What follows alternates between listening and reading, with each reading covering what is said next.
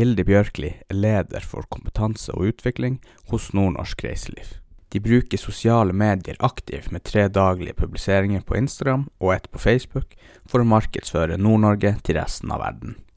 Vi snakker også om hvordan reiselivet må tilpasse seg norske turister som er værsensitive og har andre kjøpsvaner enn utenlandske turister.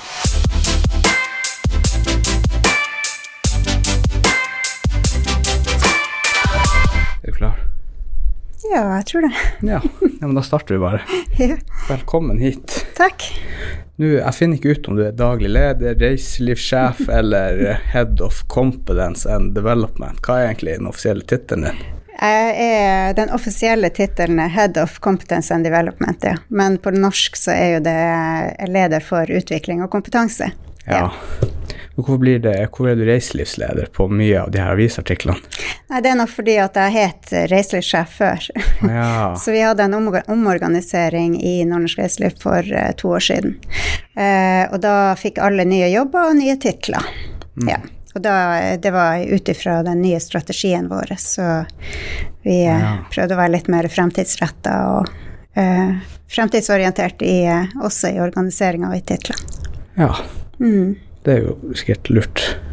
Og så jobber vi jo mye eh, internasjonalt, så derfor så var liksom Vi lagde titlene først på engelsk, og så Ja. justerte vi dem til norsk Ja. etterpå. Ja. For hva, hva er egentlig nordnorsk reiseliv, for dem som ikke vet?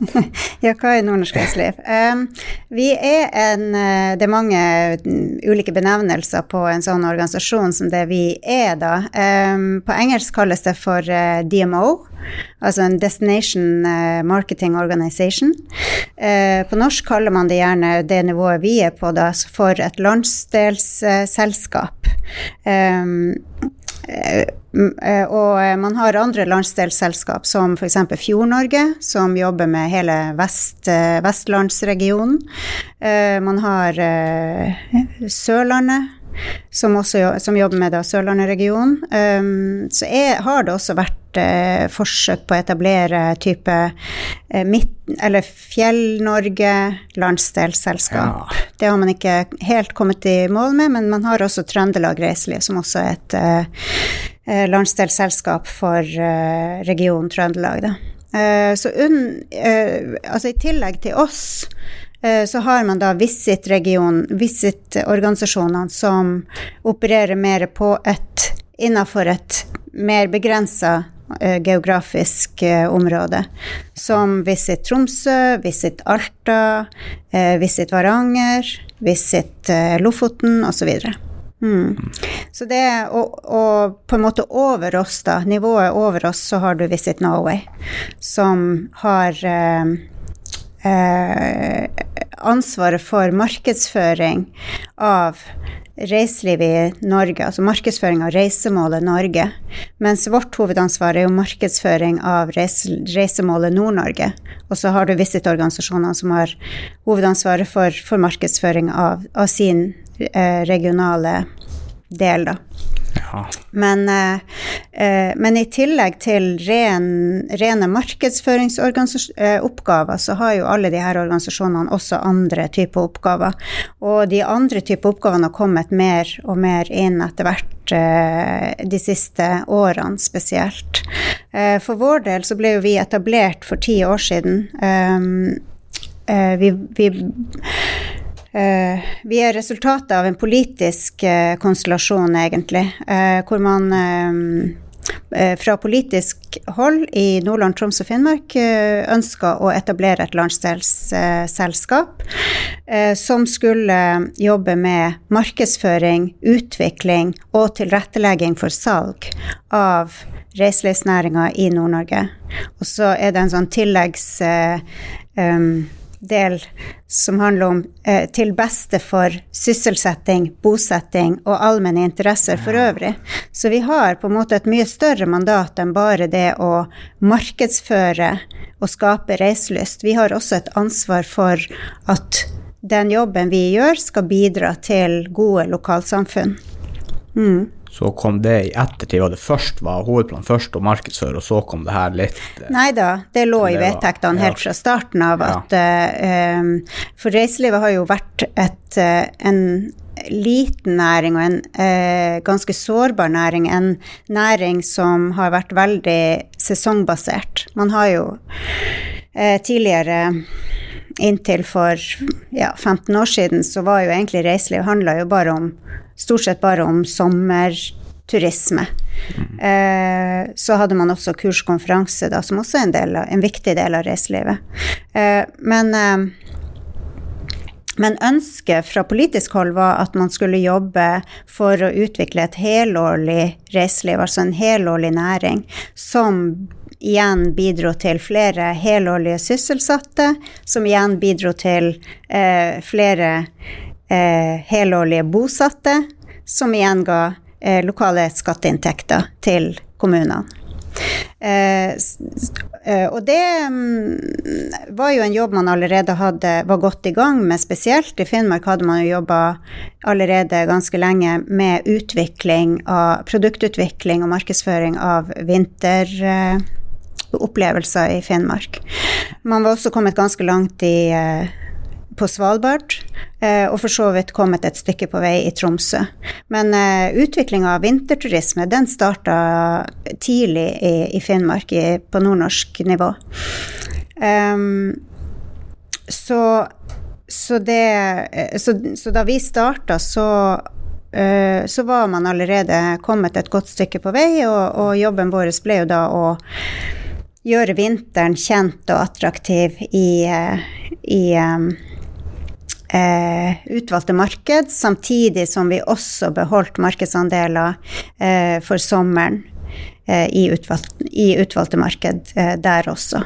Um, etter hvert så har vi jo begynt å jobbe mye mer med andre typer sofistikerte um, metoder for uh, å ikke bare snakke om vinterturisme og sommerturisme, men vi har uh, gått over til å dele uh, gjestene opp i ganske mange ulike segmenter uh, ut ifra eller målgruppe, om du vil, ut ifra hvilke interesser de har. Eh, fordi at en turist er jo ikke en turist.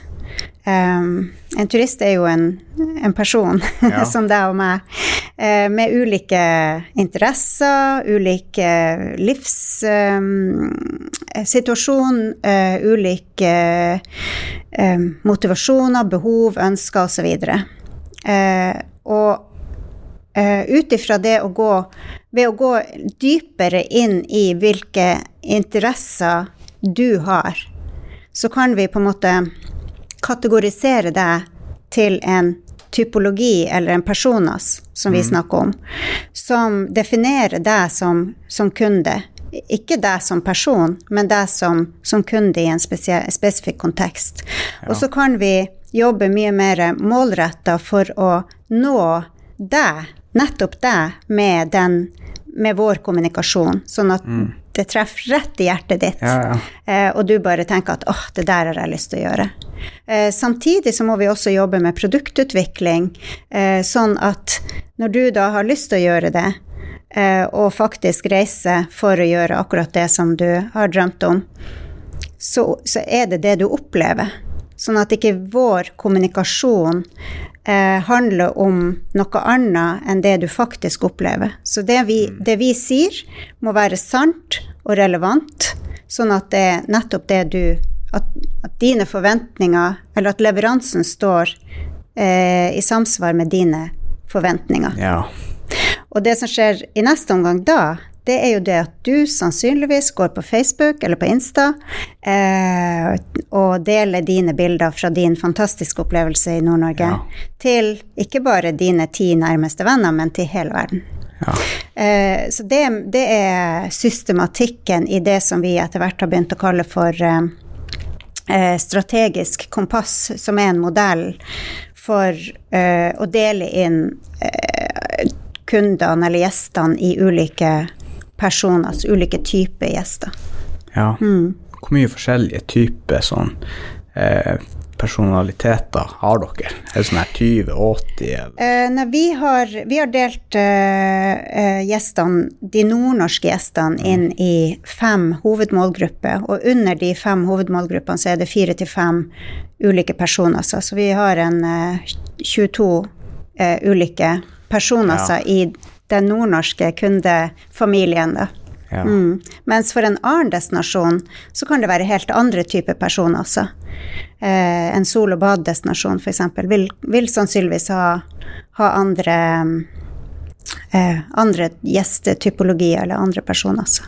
ja. Så for eksempel Visit Oslo har helt andre kriterier.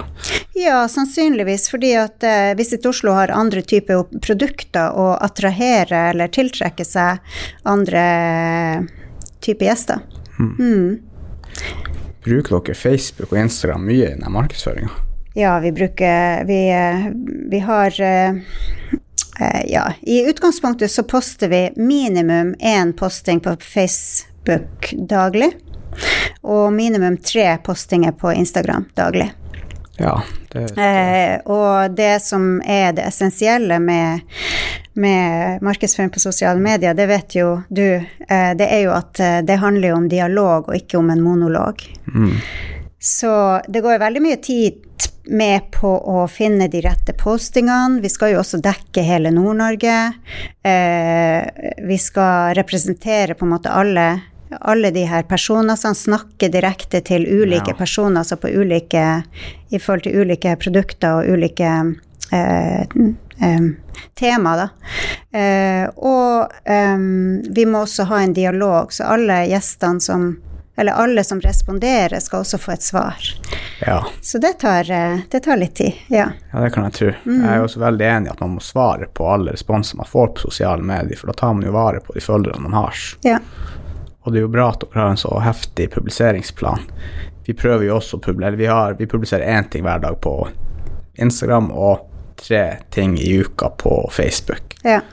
Så vi ligger litt etter dere. Jo da, men så er jo dere en annen type bedrift, Ja, ja, så eh, man skal jo ikke spamme folk heller. Nei, det er sant. Men jeg tror hvis du har kvalitetsinnhold og har noe innhold med verdi, så Ja. kan man egentlig legge ut mye.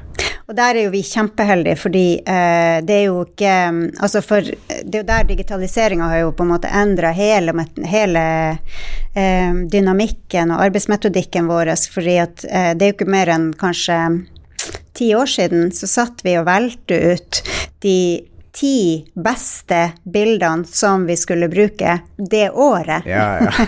Fordi da hadde vi bare en flate. Eh, vi hadde brosjyre, og vi hadde vår egen brosjyre. Vi hadde eh, websida, selvfølgelig, og så hadde vi eh, Visit Norway sin, eh, sine brosjyrer og sin webside, da. Men eh, utover det så hadde vi jo ikke så veldig mange flate. Sånn at, eh, sånn at vi måtte liksom velge ut hva er hotshotene eh, i år. Hva er de beste bildene vi skal bruke i år? Mens i dag så er det jo nesten det er jo ikke våre bilder vi bruker eh, stort sett på Insta, f.eks. Det er jo det er jo andre, det er jo gjestene sine bilder, Ja. eller lokalbefolkninga sine bilder, som så, så det er jo mange, mange, mange som tagger oss, eh, og som, som gir oss et, et enormt eh, billedmateriale. Så eh, i tillegg til de postingene, så har vi jo masse, masse på stories. Det er jo genialt å bruke kundene som markedsføring. Ja, og det er jo nettopp det som er det store mm, paradigmeskiftet innen markedsføring. Det er jo nettopp det at det er kunden som er vår markedsfører. Det, det vi sier som markedsorganisasjon er mindre relevant og mindre troverdig. Ja. Eh, det andre sier, det de andre sier om deg sjøl, oppfattes som mer troverdig enn det du sier sjøl om deg sjøl. Så derfor så er jo den her eh, eh, Den markedsføringa man får fra, fra den andre, er dobbelt så mye verdt som det vi genererer sjøl, da. ja. Det er jeg for så vidt enig i. Bruker dere noen sånne her eh, litt mer avanserte målsettinger på f.eks. Facebook-annonsering, eller bruker dere de annons annonsemulighetene Facebook tilbyr? Eller er det bare Eh, vanlige poster? Nå spør du litt feil person, for jeg, vi er jo, jeg er jo da utviklingsleder, jeg er ikke markedssjef. Ja. Så jeg er ikke helt inne på, på metodene på detalj, men ja. eh, ehm, Men vi har jo um, åh, Kan du spørre spørsmålet på nytt igjen? Det datt er om dere bruker noe av de Facebook-annonseringsmulighetene. Eh, vi har faktisk uh, annonsert veldig lite.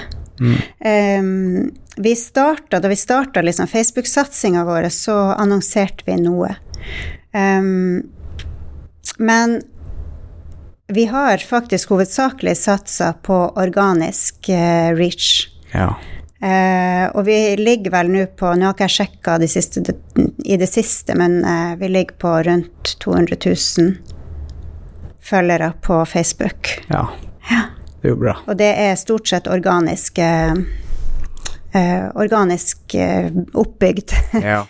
følgerskare. Ganske men imponerende. nå kjører vi jo da en eh, kampanje mot det norske markedet, og der bruker vi jo annonsering eh, i større grad, fordi at der skal vi faktisk eh, prøve å eh, nå et marked på veldig kort tid og veldig mål, målretta. Så der samarbeider vi med et, eh, et byrå i Oslo. Mm. For dere har vel nylig laga en ny Facebook-side? Den her nordlendingen. Nordlendingen, Ja, Nordlendingen. ja. Hva det er Eh, Nå glemte jeg å ta han med meg. Eh, men eh, Nordlendingen er egentlig rett og slett en chatbot. Eh, som, eh, som skal kunne Eller han kan eh, nesten alt om Nord-Norge. Han er litt Eller ikke han, men det er en hen. Oh, ja. Den er litt under trening enda, men eh, den lærer dag for dag. Så Nordlendingen er rett og slett en eh, chatbot som du kan eh, spørre om hva som helst. Um, og, og få svar. Og, um, uh, og det er også en type nærmest en reiseguide som du kan ha i lomma eh, mens du er å reise underveis. Så du kan både bruke den i planleggingsfasen, og du kan bruke den mens du er på reise i Nord-Norge i sommer. Og det er en kampanje som vi har eh, etablert eh, som en liten sånn dugnads... eh, innsats da, i lag med alle destinasjonsselskapene i Nord-Norge, Visitselskapene. ja. og, ehm, og, ja, og oss, da. Eh, så det er en ehm, Vi går inn med en god del midler. Destinasjonsselskapene går inn med en liten sum. Eh, så, så målet er jo å nå eh, hovedsakelig målgruppene familie, eh, eller family bonder, som vi kaller det på ja. International, eh, Friendship Bonder, venneturen, eh, og, eh, og Romantic Indulger, altså den, det romantiske par, eller par, Ja. parforholdet. Eh, fordi vi tror at det er de som hovedsak, de målgruppene som hovedsakelig kommer til å reise til Nord-Norge i sommer. De som eh, reiser fordi de har et det innerste, innerste behovet deres handler om det å være i lag. Være Ja. i lag med venner, være i lag med familie, eller være i lag med, med, med kjæresten eller mannen eller kona. Um, uh, for det er jo det den store sommerferien ofte handler om. Det handler ikke nødvendigvis om å pleie dine egne interesser eller å um, Eller å gjøre en, en aktivitet som du uh, gjør f.eks. i lag med eh, eh, i, i en sånn interessekontekst. Da. Det handler Ja. hovedsakelig om at du vil bruke sommerferien på å være i lag med dem du er glad i. Mm. Eh, ja. Og i år kan ingen reise til Syden, eh, så vi håper jo eh, at mange vil eh, tenke at For vi vet at interessen for å reise til Nord-Norge er veldig stor, men når det kommer til stykket, så velger ofte nordmenn eh, å reise utenlands i stedet for. Så håpet vårt er jo at eh, en god del av de som ellers ville ha reist til utlandet, faktisk i år skal ta den store Nord-Norgesreisen. Som de kanskje har drømt om i mange år. ja. Har du trua på at de kommer nå?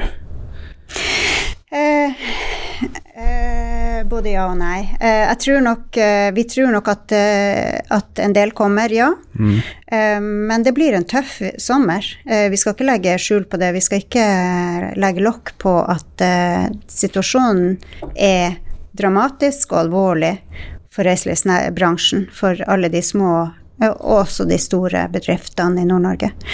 Um, vi tror også dessverre at jo lenger nord du kommer, jo mer kritisk vil det være. Eh, Vi vet av erfaring at det norske markedet er veldig værsensitivt. Um, ofte snur de på polarsirkelen hvis uh, værmeldinga er dårlig Ja. lenger nord. Eh, I år er de dessuten nødt til å kjøre E6 både opp og ned, og kan Ja. ikke ta eh, litt lengre. Sverige ned eller opp. Så det blir, blir litt lengre. Eh, så vi tror nok at eh, at det å få folk fra østlandsregionen til å kjøre helt til Nord Nordkapp eller Kirkenes eh, blir en utfordring. Um, samtidig så har vi jo nå et håp om at det finske markedet kan bidra til eh, noe trafikk mot Øst-Finnmark spesielt, Ja. eh, og Finnmark og Troms generelt, da. Um, og vi kommer også til å kjøre nå en kampanje mot det finske markedet. Mm. Så det, det handler egentlig nå om å bare snu seg fort, eh, handle raskt, eh, ikke tenke så mye, Ja. eh, men prøve å ta noen kloke valg på, på veldig kort tid, da, eh, og bare sette i gang og handle. Mm. Finland, har de åpna opp nå, eller? Hva? Ja, eh, grensa til Finland åpna på mandag. Ja. Så, ehm, så nå kan man faktisk eh, reise, reise mellom Norge og Finland. Mm.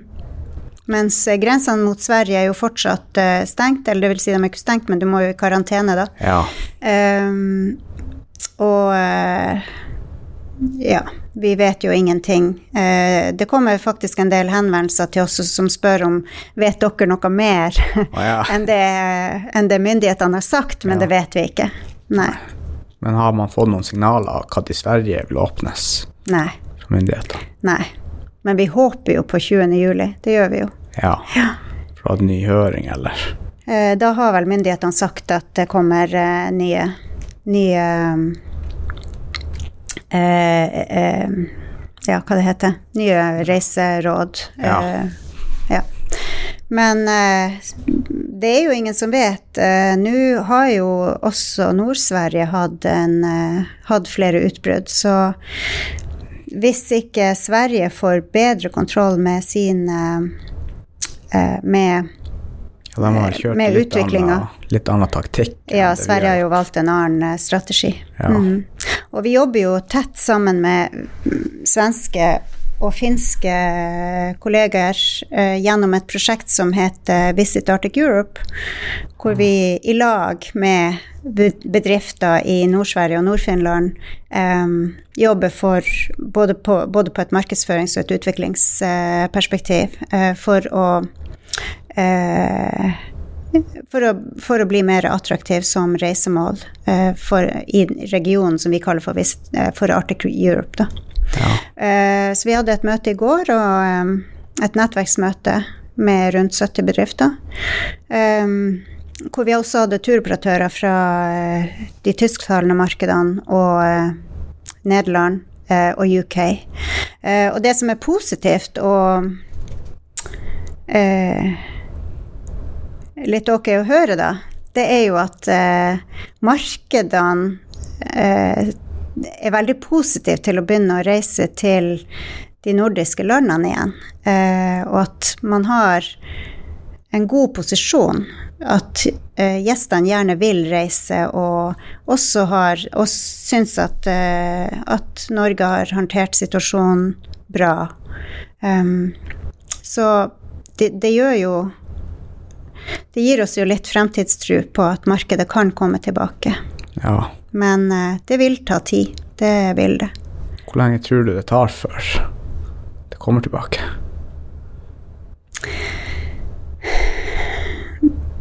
Det er vanskelig å si. Ja. Og så er jo det store Det store spørsmålet er jo vil vi, vil vi tilbake Ja. til det samme som vi hadde før? Fordi eh, reiseliv er jo Egentlig så kan man dele reiseliv opp i to sektorer. Eh, og den ene sektoren handler om eh, business, det å tjene penger. Eh, og den andre delen handler om at reiseliv er en eh, Det som omfattes av reiseliv, da, det, det eh, har innvirkning på veldig mange av samfunnsfunksjonene våre. Mm. Så den andre delen av, av Sekkeposten reiseliv handler om det samfunnsmessige. Eh, det handler om miljø, eh, og det handler om eh, eh lokalbefolkninga og lokalsamfunnet mm. som sådan. Og til sammen så blir jo det her den, det som ligger i den eh, Som ligger i bærekraftstrekanten. Altså at eh, en bærekraftig utvikling handler om at du på den ene sida har eh, en sunn økonomisk utvikling. Folk skal tjene penger, ting skal være lønnsomt. Og på den andre sida har, har, du det samfunnsøkonomiske perspektivet. At det du gjør, ikke skal gå på bekostning av eh, lokalsamfunnet, men, men at, og at du skal skape gode lokalsamfunn og ta vare på kulturen. Eh, og det tredje perspektivet er jo at du skal ha et miljø miljøvernsperspektiv i alt man gjør. Mm. Um, og reiselivsnæringa har jo vært en næring som har hatt sterk vekst de siste ti årene. Um, for bare ti år siden så var vi gjerne en litt sånn der hobbynæring, ikke ja. helt en næring som man alltid regna med eh, ja, litt sånn lekenæring. Ja, og, seriøst. Ja, og sjøl så følte jeg av og til at eh, Ikke at jeg ble sett ned på, men at man kanskje eh, Nesten som en liten sånn hundevalp som man klappa litt på hodet. Ah, ja. Liksom. ja, ja, dere, så, dere er nå litt artige, dere ja. i reiselivsnæringa.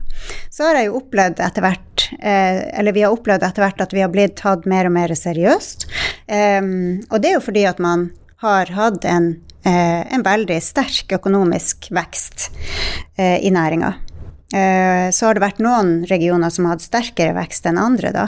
Og spesielt har man jo sett på Tromsø som en, som, som en, en hub for nordlysturismeutviklinga, mm.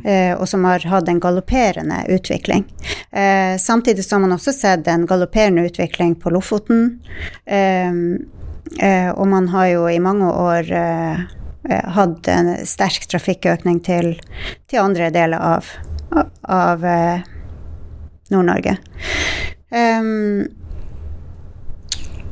og i den utviklinga så, så, har det også vært eh, økende grad av diskusjoner i forhold til ja, men eh, Vil vi egentlig det her? Eller mm eh, Man har irritert seg over turistene. Man snakker om at eh, eh, man, noen sier at ja, vi vil ikke ha de her eh, som bare kommer og, og uh, kikker gjennom vinduene våre, men ikke legger igjen noe penger. Mm. Eller uh, de her nordlysturistene, de, de, de, de bare og virrer rundt og, og og man får bare, bare suvenirbutikker i Tromsø sentrum, og det forringer Tromsø som et lokalsamfunn, eller um, Lokalbefolkninga i, i, Lofoten mener at uh, Eller ser seg lei av turister som bæsjer i hagene deres. Ja. Så det, det, har vært en sånn gryende og en økende tendens til at ja, man har en økonomisk eh, positiv økonomisk utvikling. Eh, men har man samtidig en positiv utvikling i forhold til å ta vare på det sosiokulturelle eller det miljømessige? Um, og det her er jo ikke en, en uh, det her er jo en diskusjon som skjer på veldig mange nivå. Det skjer internasjonalt. Man har uh, man ser, har sett at uh, bl.a. de store byene i Europa, som f.eks. Venezia og Barcelona, har ja. hatt uh, høyt konfliktnivå mellom lokalbefolkning og um, turister. Så, og det er jo ikke sånn vi vil ha det. Um, så for oss Vi vil jo vi vil jo at reiselivsnæringa skal være en positiv um, bidragsyter til, uh, til Nord-Norge og til Norge på alle måter. Um, så det vi også jobber med nå, uh, det handler mye om uh, bærekraft og det som vi kaller for ansvarlig markedsføring. Uh, altså hvordan skal For oss handler det mye om at vår jobb skal bidra til at vi får rett gjest på rett sted til rett tid. Ja. Og hva er nå da en rett gjest? Eh, jo, vi har definert at en rett gjest er en som er godt forberedt før han kommer. Eh, som er eh, Som opptrer hensynsfullt mens han er hos oss, og som eh, forlater eh, heftig og begeistra, og gjerne også blakk. Ja, ja. Eh, og, i, og, og i den definisjonen av hvem som er rett gjest, så peker det også litt tilbake på oss.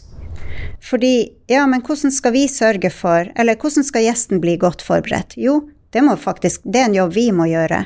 Vi må forberede gjesten så godt vi kan. Eh, sånn at gjesten, når han kommer, opptrer eh, og agerer sånn som vi ønsker at han skal agere. Og det vil si at han, at han er respektfull overfor eh, lokalbefolkninga, ikke overtreder privat eiendom, um, tar med seg søpla når han drar. Um, eh, og vi er også veldig opptatt av hvordan vi fremstiller Nord-Norge.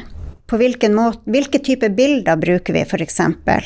Um, enkelte plasser har det vært uh, problematisk med mye, mange redningsaksjoner. Ja. Fordi folk eh, ikke kler seg godt nok når de skal på fjelltur, eller at de mm, eh, skal ta en selfie på en eh, klippe og detter og slår seg, i verste fall dør.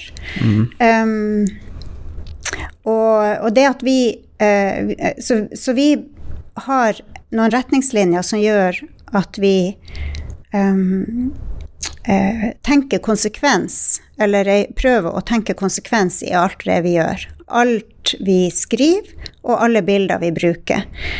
Så når vi poster et bilde på Insta, da, så skal vi alltid tenke, skal ligge i ryggmargen vår eh, som en ryggmargsrefleks, at vi også tenker ok, kjempefint bilde, men eh, kan det eh, oppfordre til en atferd som ikke er ønskelig? ja.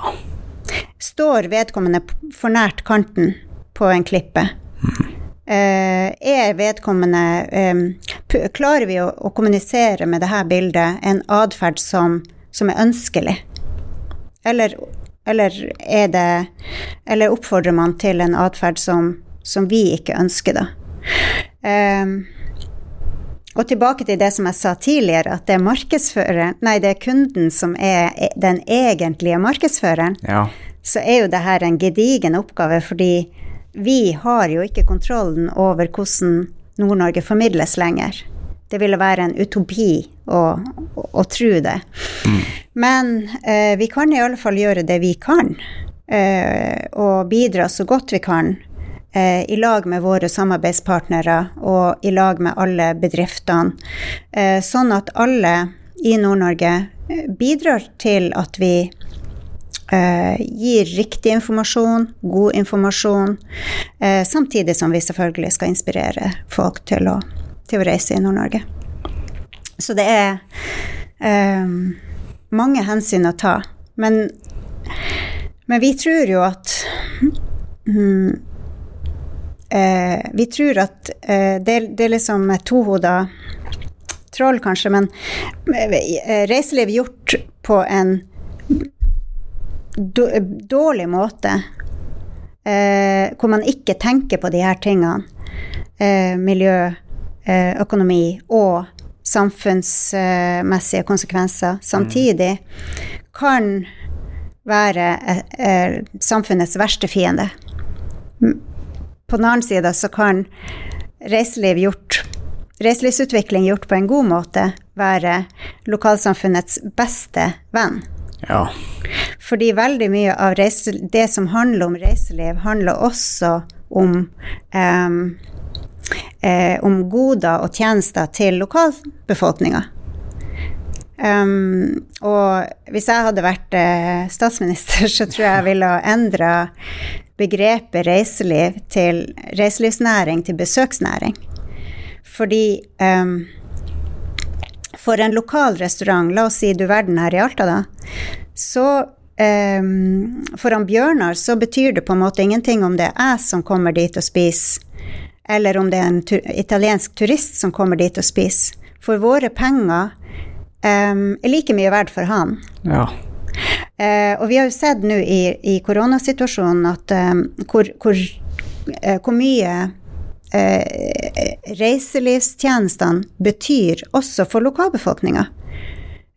Når, når, man ikke har restauranter, kafeer, ikke har noen festivaler, ingen idrettsarrangement osv., så, videre, så skjer det jo ingenting. Og det går også utover oss. Mm. Um, så, og har man ikke um, Og vi så jo fort uh, etter korona, eller i koronasituasjonen, når uh, man plutselig ikke hadde fly, uh, så hadde man ingen muligheter til å komme seg til Nord-Norge. Men man hadde jo heller ikke noen muligheter til å komme seg fra Nord-Norge. Da ble hovedpulsen kutta, eller hovedblodåra. Nettopp. Mm. Så veldig mye av den infrastrukturen som er nødvendig for at tilreisende skal kunne komme til oss, er også nødvendig infrastruktur for at vi skal ha et velfungerende samfunn. Um, og Derfor så mener jeg at uh, vi er like mye verdt som lokalbefolkning når vi er, på, når vi er besøkende ja. på lokale bedrifter, uh, som um, som, som, det turistene er. Fordi det er den totale kundemiksen til de lokale bedriftene som er viktig. Det er alle konfirmasjonene og bryllupene og, um, og jubileene og um, i tillegg til den eh, lokale møtetrafikken eller regionale kurskonferanser. Eh, I tillegg til turisttrafikken og yrkestrafikken, ikke minst, som bidrar til at du får eh, hjulene til å, til å gå, og at du får en bunnlinje som du kan leve av til syvende og sist. Ja. Så det er et, eh, det er et komplekst eh, ja. område å jobbe med. Veldig. Jobber dere tett opp mot de her reiselivsbedriftene? Eh, ja, Eller blir det mer sånn generelt? Eh, ja, vi gjør jo det, men, men eh, i stor grad så jobber vi gjennom eh, destinasjonsselskapene. Ja. Eh, fordi vi har ingen medlemmer. Um, så, så, det er um, Og vi har jo også behov for den lokale koordineringa. Så det er ofte destinasjonsselskapene som koordinerer på lokalt nivå. Så vi Eksempelvis nå når vi kjører en kampanje, så, ja. så sender vi ehm, Så er det destinasjonsselskapene som selger inn, eller som rekrutterer sine medlemsbedrifter da, til å delta på kampanjen. Ja. Eh, det gjør at de Det gjør det også litt enklere for oss å ha noen lokale som koordinerer, bl.a. f.eks. Um, når vi kjører visningsturer, så er det de lokale destinasjonsselskapene som regel som som, eh, som koordinerer lokalt. Ja, der, vi har, ja, der vi har destinasjonsselskap. Men, eh, men, ja, vi jobber også uh, i lag med bedriftene direkte. Spesielt i prosjektene våre så, har vi, så har vi mye direkte kontakt med bedriftene. Mm. Mm. Så er det 100 statsfinansiert, tenker jeg. Nei. vi, er, vi er jo eid 51% av, eh, av fylkeskommunene. Ja. Nordland og nå Troms og Finnmark, da. Mm, eh, de øvrige eierne er eh, Scandic, Thon Hotels, eh, Hurtigruta, og så er det en lang, lang hale med destinasjonsselskap og kommuner og eh, bedrifter som står på eiersida, da. Eh, det har litt sånn med at vi var tre eh, regionale selskap. Nordland Reiseliv, Troms Reiseliv og Finnmark Reiseliv som ble ja, ja. slått sammen. Så da ble alle aksjonærene også hang med på slipp. Ja, Men eh, um, det er eh, Vi får jo da et tilskudd fra, fra fylkeskommunene eh, årlig eh, som, som eh, i bunn og grunn betaler betale for de aktivitetene vi gjør. Eh, men så har vi også ekstern finansiering mm, i forhold til hva vi holder på med, da. Mm. prosjektene er gjerne finansiert av Noen kan være vi har bl.a. det her Visit Arctic Europe, som er finansiert av eh, Innovasjon Norge og av eh, Nordisk ministerråd eh, og av Troms og Finnmark fylkeskommune, i tillegg til at bedriftene som er med, betaler en egenandel for å delta i prosjektet. Ja. Så har vi et annet prosjekt som heter Hjortit, som er for samiske reiselivsbedrifter i Nord-Norge. Ja. Det er finansiert av Innovasjon Norge Nordland eh, fylkeskommune, Troms og Finnmark fylkeskommune og bedriftene sjøl. Ja. Så har vi rene markedsaktiviteter, eh, sånn som den Norgeskampanjen som jeg snakka om, og Finlandskampanjen som jeg også snakka om tidligere. Der betaler destinasjonsselskapene inn en egenandel, og bedriftene betaler også inn en egenandel. Så det er veldig litt fragmentert eh, bilde. Ja. Ja. Og over litt igjen til korona. Hvordan var stemninga på kontoret når eh, alt gikk til faens? Kanskje litt som alle andre. Um, først tror jeg vi gikk inn i en litt sånn sjokk. Mm. Sjokkperiode. Eh, og så en litt sånn her eh, Litt apati. Ja. Men den var veldig, veldig kort. Og så var det bare shit, hva gjør vi nå? ja.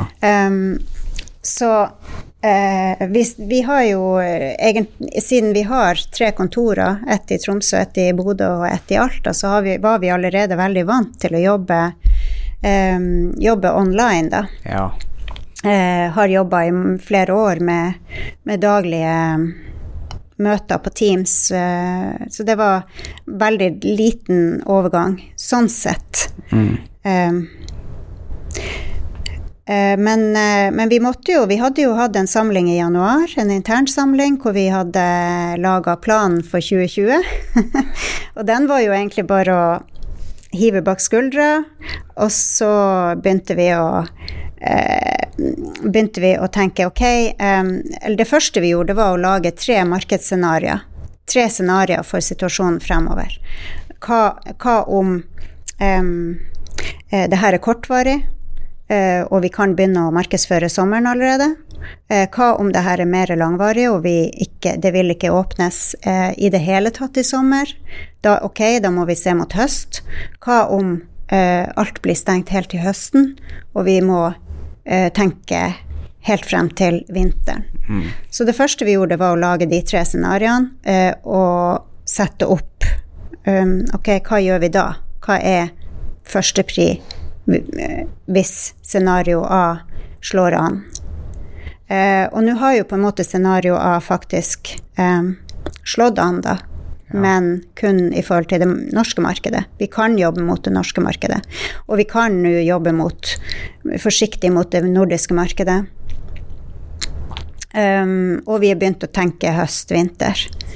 Um, så det første vi gjorde, var jo egentlig bare Ja, vi lagde de markedsscenarioene, og, og så begynte vi egentlig bare å, å, å tenke kjapt. Hva gjør vi nå? Eh, Hvilke tiltak vil ha effekt på kort sikt? Og de prioriterte vi. Uten at vi la alt annet bort, men, men vi, vi hadde full pri på hva er det vi må gjøre nå som har effekt for sommeren. Og det vi gjorde da, det var jo først og fremst å, å eh, lage eh, Eller velge ut hvem er det som kommer i år. Eh, og det gjorde vi jo ved å se på Det kom jo veldig mange ulike innspill, eh, andre som lagde markedsundersøkelser og spørreundersøkelser og sånn. Eh, så vi fikk sammenstilt alle de her spørreundersøkelser, eller flere spørreundersøkelser Ja. eh, og service som ga oss et litt mer helhetlig bilde av hvordan vil sommeren se ut. Em, vi valgte ut eh, de målgruppene som jeg nevnte i sted, familie, vennetur og par. Eh, vi vi eh, brainstorma og uh, snekra i hop denne uh, Nordlendingen, Ja. sommerkampanjen, eh, som vi fortsatt driver og utvikler. Det kommer nok eh, andre, noen stunt der òg. ja. Eh, vi eh, utarbeidet en, pr- en PR-strategi fordi eh, vi tenkte at, eh, at uh, i tillegg til rene sånn markedsaktiviteter, så kommer også folk til å lese aviser. Uh, både på, på nett og, og, i papir. Og, så vi har inngått et samarbeid med A-media og kommer til å kjøre en del sånne redaksjonelle annonseringer, altså eh, artikler om ja, tips og råd og destinasjoner og reisemål og, i, i Nord-Norge. Så akkurat nå så er han eh, eh, Trond Anton Andersen og Morten Brox, som mange kjenner ja. eh, her fra Alta, eh, fra Finnmarksløpet, ja. de er på turné, på Nord-Norgesturné, og lager reportasjer. Mm. Ja. For oss. Eh, så tenkte vi også at bedriftene i Nord-Norge er jo ikke nødvendigvis så veldig godt kjent med det norske markedet som kunder. Eh, man har vært veldig vant til å orientere seg mot det utenlandske markedet. Mm. Eh,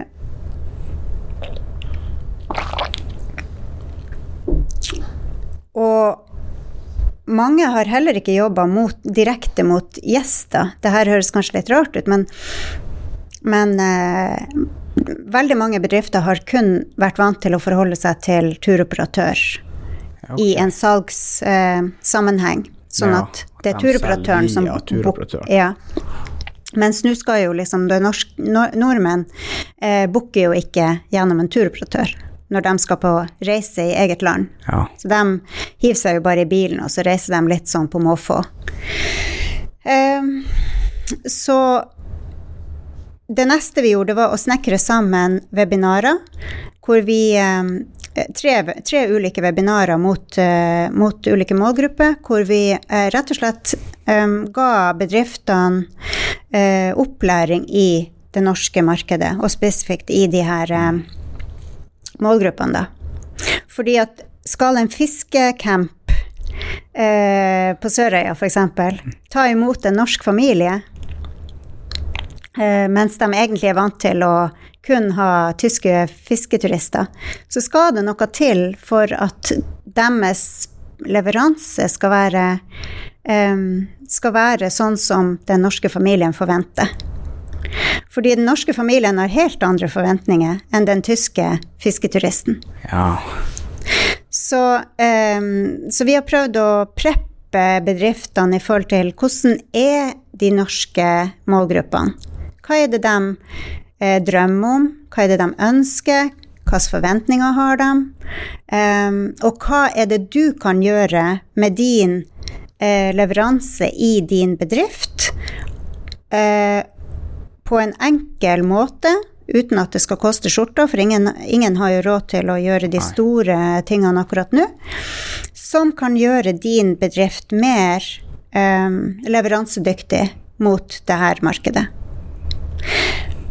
For um, uh, Og vi har også gitt dem tips og råd i forhold til hvordan de kan markedsføre seg. Altså skal, hvilke typer bilder skal de bruke på, på Facebook og Instagram f.eks. Um, hva er det de skal skrive? Ja. Um, og hvordan skal de samarbeide med andre bedrifter, uh, sånn at de får litt sånn krysspublisering og sånne ting. Um, og vi har lagt vekt på, uh, på det å Skape aktivitet for familier, f.eks., eller for venneturene. Eh, det å gjøre ting hyggelig, koselig. Ønske, få folk til å, ønske, til å, til å føle seg velkommen. Eh, det kan handle om helt enkle ting som å eh, få inn litt mer pledd og puter og stearinlys, altså. For å ja. gjøre hytta litt, litt mer cozy. Ja, ja. Eh, men det kan også være muligheter for, å, for, at folk kan få steke sin egen mat på bål på yttersida av eh, hytta si. Det kan være innkjøp av litt, litt eh, aktivitetsutstyr, spill. Det kan være tilpasning av menyer.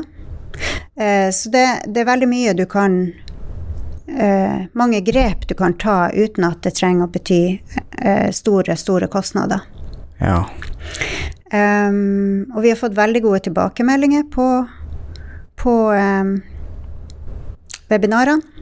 Ja. Folk har syntes at det har vært veldig nyttig og matnyttig og, og, på et enkelt nivå, sånn at alle har forstått.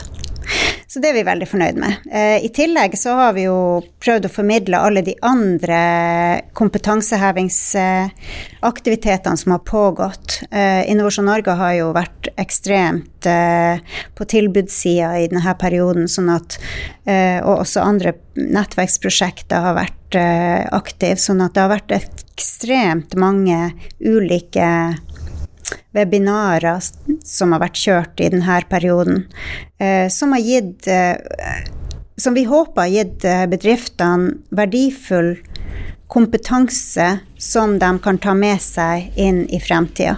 Det har vært på digitalisering, og det har vært på salg og pakketering. Helt sånn konkrete tips, eller konkret kurs knytta til helt konkrete mm, faktorer som bedriftene har behov for i sin uh, hverdag. Mm. Så vi har prøvd å være et bindeledd mellom det som, uh, det som, skjer. Vi har prøvd å uh, handle raskt vi har prøvd å ha god kommunikasjon med både, både turoperatørene der ute ja. og med samarbeidspartnere her eh, internt i Nord-Norge, både med destinasjonsselskapene og Innovasjon Norge. Vi har ukentlige møter med, med, med alle destinasjonsselskapene i, i Nord-Norge. Ja. Med felles eh, oppdatering, eh, kunnskapsdeling og informasjonsflyt. Ja, da jobber dere ganske tett opp mot hverandre. Ja, vi gjør det, og vi føler egentlig at, eh, at eh, vi har fått eh, Ja, det er jo aldri så galt at det ikke er godt for noe, er det noe som heter. Så ja. vi, vi, føler i hvert fall at vi har klart å opprettholde en, en god eh, kommunikasjon eh, både internt i næringa og eksternt mot, eh, mot markedet, da. I tillegg så har vi jo hatt kjempetett dialog med NHO eh, og, og, med fylkeskommunene, altså våre eiere, eh, og holdt dem oppdatert om situasjonen, og også vært eh, Sjefen har vært, på, vært, i dialog med næringsministeren osv. Så, ja. ja. så vi har også vært litt på den politiske arena. Ja. De her kursene har vært gratis, eller de her webinarene? Ja. Alt har vært gratis i denne ja. tida. Ja. Ja det, det har vært viktig. Ja. Og riktig. Ja. Nei, absolutt. Det er jo veldig lite kapital innenfor reiseliv nå. Ja, det er jo det, og det Jeg sa jo det at det har vært en næring i sterk vekst, eh, og det betyr at det har vært eh, utrolig høy investerings... Eh, mm. høy, eller mye investering de siste, den siste tida. Um, så selv om en bedrift har hatt høy relativt høy omsetning, ja. så er det veldig lite på bok. Har ikke, man har ikke hatt, eh, hatt tid eller, eh, eller likviditet til å eh, bygge seg opp en buffer Nei. i stor grad. Eh, det her kan sikkert bankene si mye mer om, eh, men vi, vi, vet at det er, det er ståa for veldig mange. Mm. Ja.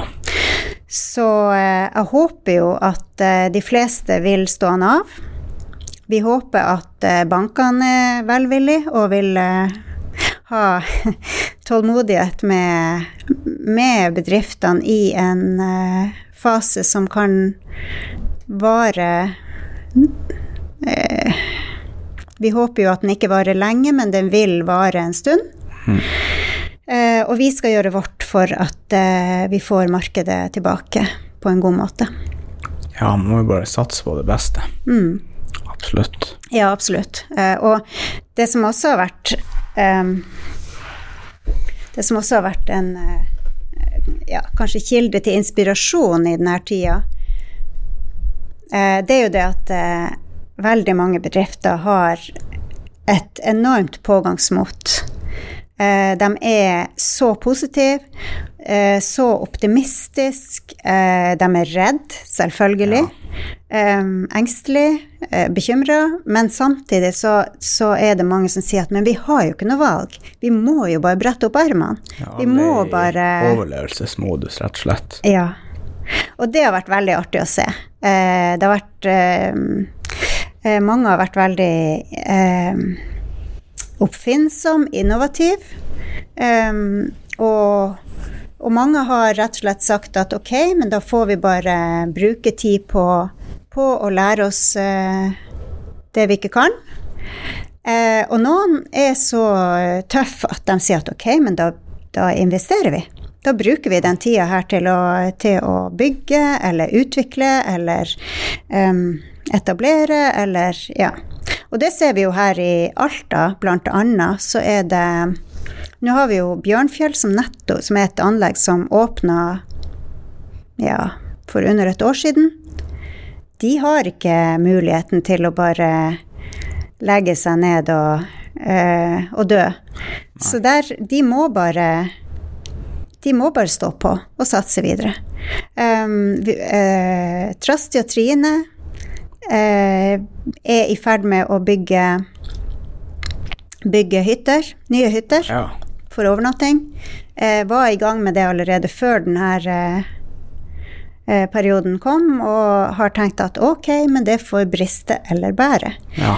Sorrisniva har jo vært ute og sagt at vi er kommet for langt i prosessen, vi peiser på, og de kommer til å bygge, bygge hotell. Ja, de har vel store planer der oppe? Ja. Og det er um, Jeg må bare si at jeg bøyer meg i hattene, det er dette nå. jeg bøyer seg i støvet. Jeg bøyer meg i støvet for påga det pågangsmotet og den innsatsviljen som bedriftene, veldig mange av bedriftene viser. Um, vi har en samisk bedrift i uh, i Vesterålen som sier at 'jeg satser på samisk glamping i sommer'. Eh, og som har bare hevet seg rundt og, og laga et nytt produkt. Ja, hva er samisk glamping? glamping er jo eh, eh, satt sammen av to ord, glam og camping. Så det er litt sånn eh, mm, høystandard camping, da. Ja. ja. Det kan være f.eks. en lavvo med ordentlig seng og litt uh, fancy, stæsj i uh, interiør. Ja. Um, det kan være sånn som hos Holmen Husky, er jo en sånn glamping uh, um, bedrift hvor de har eh, lavvoer hvor halvparten er glass, da, eller pleksiglass, ja, sånn at du ja. kan ligge der og, i, i, senga og se på nordlyset med fyr i, fyr i, i ovnen. Jeg har ikke Glød Explorer og noe sånt? Eh, eh, jo. Ja, ja de har en sånn iglo-dom. Eh, ja. ja. ja, ja. Mm. Så det er veldig mange sånne type glamping eh, um, bedrifter etter hvert, og folk eh, elsker det. Mm. Ja. Så det her med unike overnattingssteder blir jo mer og mer populært eh, i, i, hele Norge, egentlig. Og vi ser at det kommer flere og flere av dem i Nord-Norge òg. Ja. Så jeg vil bare berømme bedriftene, eh, og, og, jeg har egentlig så lyst til å gi dem en stor bukett med, med blomster, alle sammen, fordi eh, eh, vi føler så med dem. Vi har så lyst til at hver og en av dem skal komme seg helberga ut av denne krisen. Eh, og vi vet at vi kan ikke gjøre alt for dem. Nei. Eh, men vi, vi, vi, prøver så godt vi kan på vårt på, med, det, med, de verktøyene som vi kan bruke, da. Og så vet vi jo at uh, Visit-organisasjonene også er veldig på uh, på alerten for å gjøre det som de kan.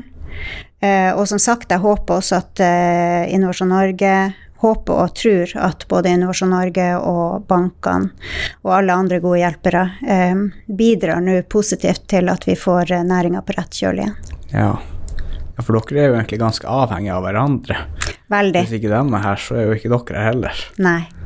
Så, ja. Og bedriftene er avhengige av hverandre, dem òg. Fordi ja. um, Og det er også noe som er litt uh, uh, særegent med reiselivet, da, fordi at Um, det er jo ingen bedrift som er et reisemål i seg sjøl.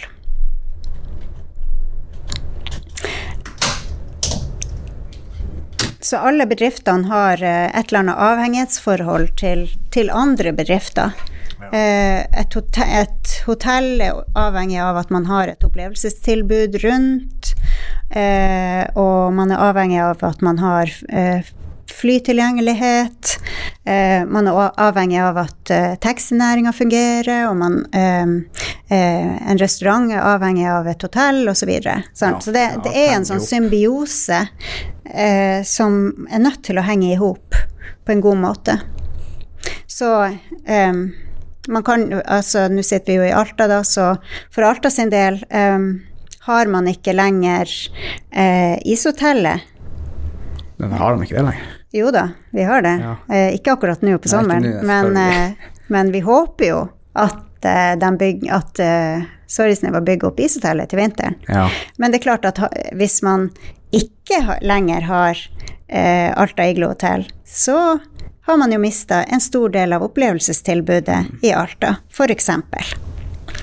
Eh, så, så alle er litt sånn Man er, av, man er avhengig av at man har, eh, har en, et visst omfang av, av u, bedrifter på ulike, som leverer ulike deler av en reiseopplevelse.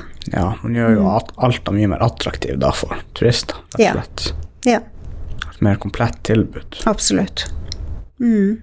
Men har ikke du, du har vel litt erfaring fra hotellbransjen? Eh, ja, ehm, jeg har eh, Jeg starta vel kanskje egentlig ehm, min uh, reiselivskarriere på Alta Fjordhotell da jeg var 18 år. 17. Ja. Ehm, som altmulig person. Jeg- Potet? ja, det var virkelig potet. Jeg vaska sengetøy, og vi rulla til og med sengetøyet sjøl, og vi Ja. eh, vaska rom, og vi eh, sto i resepsjonen, og vi lagde frokost og det meste. Eh, så eh, har jeg også jobba som guide, og jeg jobba på Alta museum, jeg jobba på Nordkapp. Eh, jeg har også jobba seks år som salgs- og markedssjef for Rika hotellene i Finnmark. Mm. Um, og så har jeg et år med eh, som hotelldirektør da, på Tone Hotell Alta. Ja. Og var med på å åpne, åpne hotellet. ja, for da har du jo ganske bred erfaring innenfor reiselivet. Du har vært innom det meste. Jeg har vært innom det meste. Jeg har ikke vært servitør, for jeg er så klønete. så jeg har aldri vært Jo, jeg har servert pizza og øl. Ja. Ja. Ja, ja, det går inn som det samme. Men ellers har jeg ikke Og jeg har ikke vært kokk. Nei. Sånn annet enn at jeg har laga noe frokost og sånn. Men eh, nei. Det var, Eh, den, det var ikke den største mangellista, det. hva? Det var ikke den største mangellista, det. Nei da. Ellers så har jeg faktisk eh, gjort det meste og vært både foran og bak eh, kassaapparatet, holdt på å si. Mm. Vært også kunde som en turoperatør, eller en lokal incoming-operatør, som det heter på, på fagspråket. Ja. Og du, har Hvor du tok utdanning? Ja, der er jeg også litt potet. Nei, jeg har, jeg har litt av hvert. Jeg, har, eh, jeg starta med fransk mellomfag mellomfag. Ja. Så gikk jeg videre til Økadm. Og så tok jeg en bæsj... Økonomi og administrasjon. Ja, ja. Mm. Så gikk jeg videre til bachelor i reiseliv. Så har jeg en årsenhet i spansk. Og så har jeg en årsenhet i eh, prosjektledelse. Og så holder jeg på med eh, Master of Tourism nå, da. ja. Nok å gjøre, altså. Ja, absolutt. Men eh, jeg kaller det for Jeg, jeg, holder, jeg sier at jeg tar eh, master minutt for minutt. Ja. Eh, for jeg tar ett og ett fag, eller ett og ett emne, da. Så eh, forhåpentligvis eh, er jeg ferdig med hele masteroppgaven da i, om, innen to år. Mm. ja. Får satse på det. Ja. Og slurte jeg på om eh, Har du noen tips til noen unge folk? Eller har du tips til deg sjøl som 20-åring med den all den kunnskapen du har i dag? Skulle du tipse deg om en ting eller to? Uh, ja, først og fremst så tenker jeg at jeg hadde ja, uh, um, Jeg tenker gjør deg ferdig Ta en master. Gjør deg ferdig med masteren. Um, da har du mye mer uh, armslag etterpå, fordi at det kreves etter hvert mye spesialkompetanse, eller spisskompetanse, også innen reiseliv. Det er ikke like lett i dag å på en måte jobbe seg opp. Um, eh, Tradisjonelt sett så har jo reiseliv vært en næring som ikke har um, eh, verdsatt eller ikke har eh, hatt så stort fokus på formalkompetanse. Altså man har gjerne starta i oppvasken og endt opp som direktør. Ja. Men ehm, men i dag er det Det blir mer og mer spesialisert. Eh, vi har jo behov for folk som, som har mer spisskompetanse på ulike, eh, ulike fagområder, da. ja. Eh, og spesielt det med digitalisering er jo, er jo noe som, som i høyeste grad preger hele oss, eller alle næringer, men også reiselivsnæringa. Um, Nevnte ikke du det på det her Petter Hjort-seminaret, noe om sånn her eh, hva det heter, sertifiseringsmangel i reiselivet? Ja, man har en stor eh, vi, vi, er en næring som er ganske lite regulert. Mm. Uh, alle andre næringer har jo sertifiseringer og reguleringer i, i bauger og kanter. Mm, for reiselivet så har man jo selvfølgelig Skal man kjøre båt med turister, så må man ha skippers Hva det heter eh, Båtførerprøven. Ja, eh, skal man servere alkohol, så må man ha skjenkeprøven osv. Så, videre. så det fins jo noen sånne standarder. Men eh, i bunn og grunn så kan, du ta, så kan du kjøpe deg 20 scootere, og så kan du ta med deg folk eh, ut på vidda uten en eneste eh, kvalitetssikring eller sertifisering eller noe sånt. Så eh, det er behov for en eh, type eh, En bedre kvalitetssikring både på, på selve kvalitet på leveransen, men også på sikkerhet eh, i næringa. Og det jobbes det med på ulike hold, da. Så forhåpentligvis så vil det bli en næring som For det har jo også noe med næringas eh, seriøsitet å gjøre, og at man er sikra i forhold til um, ja, hvis det skulle skje ulykker. At man som bedrift også er sikra. Ja. Uh, ikke bare gjestene er sikra, men også at man sjøl som bedrift er sikra. Uh, ja. Mm. Uh, men utover det, du spurte om råd. hvis jeg skulle ha gitt meg sjøl som 20-åring um, et råd, så er det jo også det å Fær ut og se verden og oppleve noe. Nå motsier jeg meg sjøl litt, for jeg sa på den ene sida eh, gjør deg ferdig med utdannelsen, men, ja. jeg, men, men jeg tenker også at uh, bruk uh, tid på å oppleve verden, få noen uh, perspektiver på hva som fins utafor her hvor vi bor, da. Um, ja, lære av andre kulturer og andre mennesker, og det er Verden er så mye større enn en vårt lille ja, eh, utgangspunkt. Det er helt enig. Mm. Så ta masteren i utlandet, altså. Det er, det er, jo selvfølgelig et alternativ. Ja, ja absolutt. Mer kombinerer man alt. Men kom gjerne hjem. Eh, det det syns jeg er viktig. Um, jeg skulle jo selvfølgelig ikke tilbake til, til Finnmark da jeg for uh, ut. Så det var litt sånn tilfeldig at jeg, at jeg kom tilbake, kanskje. Men, men, men, også kjente jeg jo på meg sjøl da jeg var student og, og bodde ute, at um, det er noe i meg som uh, som trekker meg hjem igjen, som trekker meg nordover. Fordi at jeg hadde Det ene var at jeg hadde veldig lyst uh, til å uh, Det med reiseliv kom ganske fort inn i uh, hodet mitt mm. som en del av, av karriereplanene mine, og jeg hadde så lyst til at andre skulle oppleve det fine som jeg, som jeg er så glad i med, med Finnmark og Nord-Norge. Eh, så det har hele tida vært min motivasjon og drivkraft eh, i det jeg har gjort. Det er det å få andre, eller invitere andre til å oppleve eh, vårt fantastiske fylke og vår fantastiske landsdel. Ja. Men eh, jeg vokste jo opp på 80-tallet, og da var det jo litt sånn krisestemning i Finnmark, og det var svart hav, og det var eh, Det eneste man hørte om på nyhetene om Finnmark, det var jo at det var eh, depresjon og, ja. og, og, og, eh, og det var Alta-saken, og det var liksom Det var så Var ingen lyspunkt? Nei, det var veldig lite lyspunkter.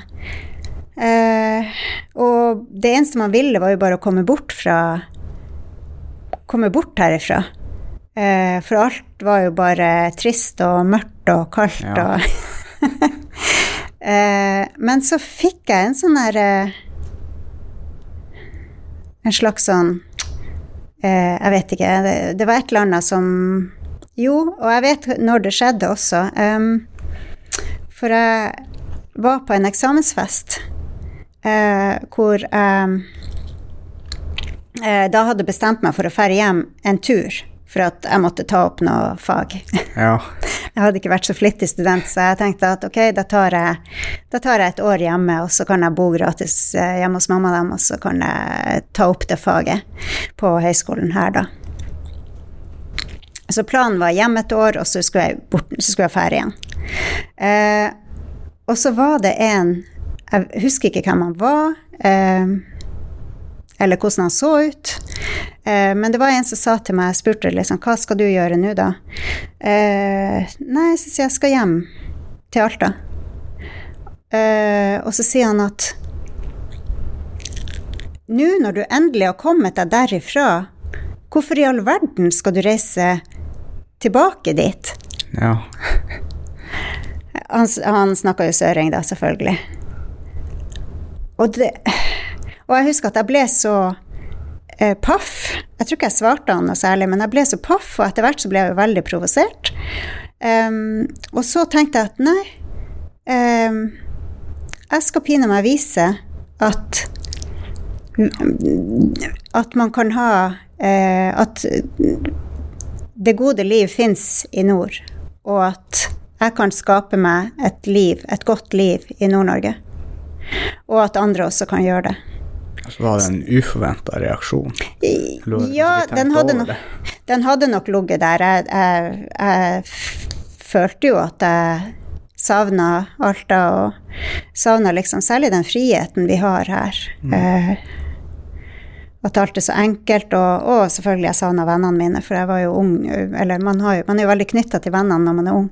Eh, men eh, der og da så ble det også sådd et frø i meg om at jeg vil vise at man kan lykkes i nord. Mm. Ja. Det er en bra eh, plan. Ja, om det var så veldig sånn veloverveid eller planlagt eller sånn der, det, det vet jeg ikke. Men det ble nå i hvert fall sånn. Og så fikk jeg fikk jeg jo etter hvert jobb eh, eh, først som informasjonsansvarlig på Nordkapp. Informasjons- og bookingansvarlig på Nordkapp, og så Ja. eh, også i salgsorganisasjonen til eh, Rike Hotels Finnmark, da, og så la det nå på seg. Mm. ja. Da vil jeg også bare si om eh, Har du noe du ønsker å promotere nå? Bortsett fra nordlendingen. Ja, jeg syns jo eh, jo at alle i Nord-Norge skal eh, eh, Nå motsier jeg meg sjøl igjen, eh, for vi skal faktisk til, eh, til Oslo i sommer. Men eh, det, har, det er noen andre årsaker til det. Men jeg skulle veldig gjerne ha og jeg håper at vi får oss en tur til Vesterålen i sommer. Men jeg håper at også veldig mange eh, i nord eh, bruker denne sommeren til å feriere i nord. Og at man ikke bare tenker at nå skal vi ta med oss teltet og vandre i fjellet, men at man også eh, eh, teste ut eh, fær, eh, fær på ulike overnattingssteder, eh, spis god mat på ulike restauranter, eh, kanskje også deltar på ulike betalte aktiviteter. Det fins så utrolig mye man kan oppleve i Nord-Norge. Mange ting som folk eh, ikke nødvendigvis har gjort, selv om man bor her. Jeg tipper at veldig få har vært med på hvalsafari, f.eks. Um, det er veldig mange overnattingsbedrifter som har uh, rusta opp og som har pussa opp og som fremstår som utrolig fin. Um, uh, og ja, så jeg håper at folk bruker denne uh, sommeren til å også gjenoppdage litt sin egen landsdel, da.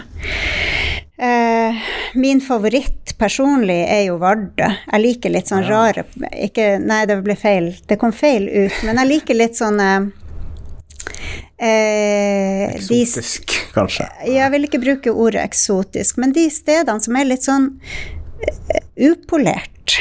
Altså der hvor man møter eh, ekte folk og eh, kan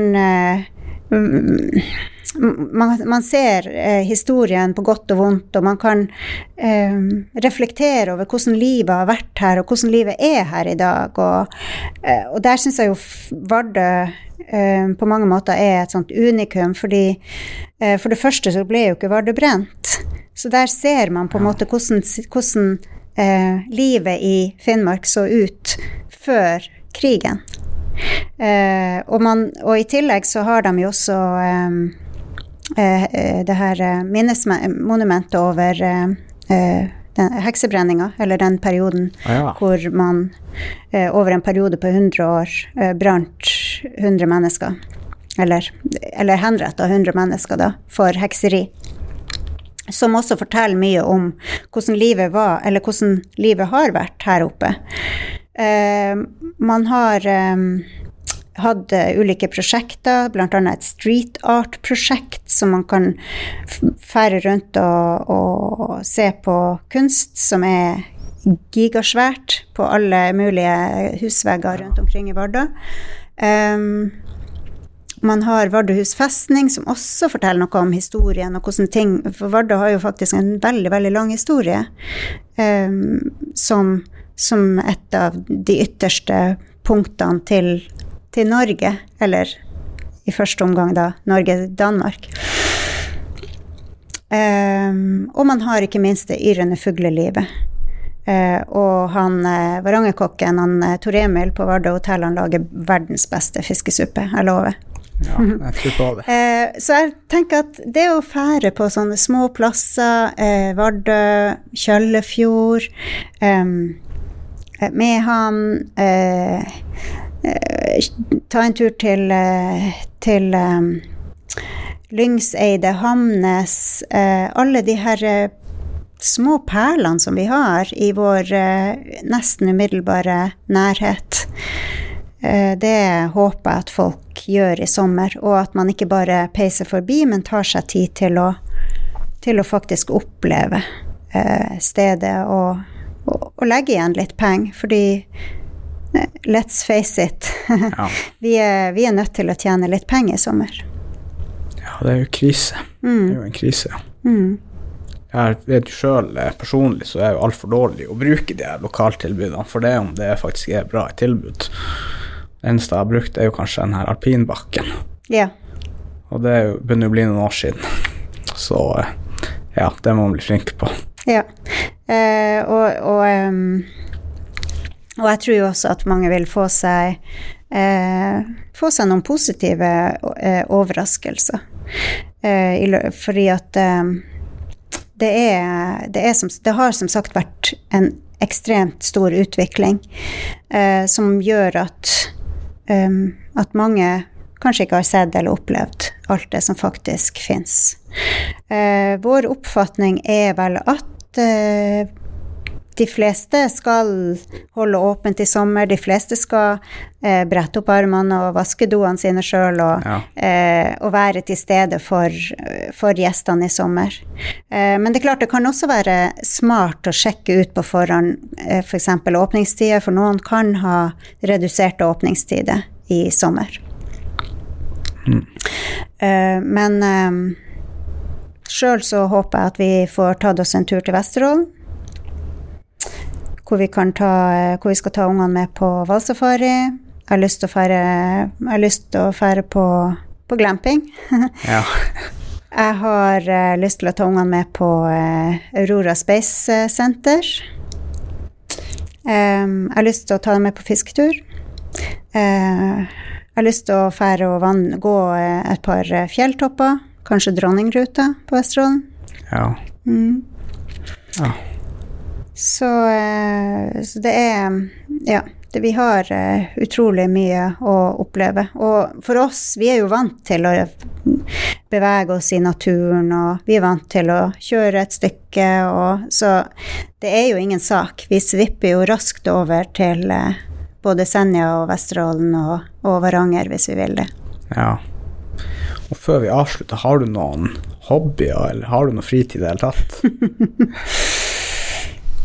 Veldig lite fritid. Eh, men det, det, er langt, det, er et prosjekt jeg jobber med for å få litt mer eh, ja. fritid. Men det er nok jobb og familie og, eh, og studier som hovedsakelig tar tida mi. Men jeg er for det første så har jeg en stor hage, så i sommer har jeg tenkt at det her skal bli året hvor jeg skal få litt Jeg skal bli litt flinkere til å holde på i hagen, for jeg syns det er veldig avslappende og artig, men ja. jeg kan ingenting. så, eh, så, jeg må bare lære, rett og slett. Så um, uh, ja, så det er et lite mål i sommer. Um, jeg prøver jo å trene for å holde meg i form. Det gjør jeg jo. Så hvis du kan kalle det for en hobby, så ja. Jeg liker, ja, liker både styrketrening og jeg liker å ta meg en joggetur, helst ja. i skog og mark. Uh, og jeg liker yoga. Um, jeg er litt over gjennomsnittet interessert i interiør. Ja. Så jeg elsker å holde på og dille og dulle hjemme med små og store prosjekter, men det er ikke så ofte at jeg får tid til det. Um, jo, og så er jeg veldig glad i å lese, men det får jeg aldri tid til. Eh, så den nye løsninga har blitt eh, lydbok. Ja, men det er jo genialt. Mm, da kan både, du gjøre noe imens du hører. Ja, og både, egentlig både podkast og, eh, og skjønnlitteratur, da, ja. har jeg begynt å bruke mye. Så det har jeg på ørene både jeg, hvis jeg går til jobb, eller hvis jeg jogger, eller um, når jeg gjør husarbeid. Ja. Eh, så da går husarbeidet som en lek. Mm. Ja, det gjør det. Da får man noe ut av det. Ja. Men jeg syns også det er veldig bra å holde seg i fysisk form, for da er man litt klarere i hodet. Så også yoga er veldig bra. Det bruker jeg også gjøre av og til for å få strekt litt ut. Ja, det er fantastisk. Ja, det ja. hjelper på. Ja. ja. Men, Men uh, jeg må innrømme at, uh, at, i hektiske perioder og med mye reising, så er det nok uh, Så går det ofte på bekostning av treninga. Um, ja. ja. Og jo eldre man blir, jo viktigere blir det jo. ja, men man får mer tid når du trener, for da blir du litt klarere i hodet og greier å tenke. Ja, det er sant. Klarere. Ja. Mm. Vil jeg bare takke deg for at du tok tida til å komme hit og snakke. Jo, bare hyggelig. Jeg, jeg føler jeg snakka litt på inn- og utpust, men. Ja, men det er jo perfekt. Det blir jo egentlig for meg, da. Tusen takk.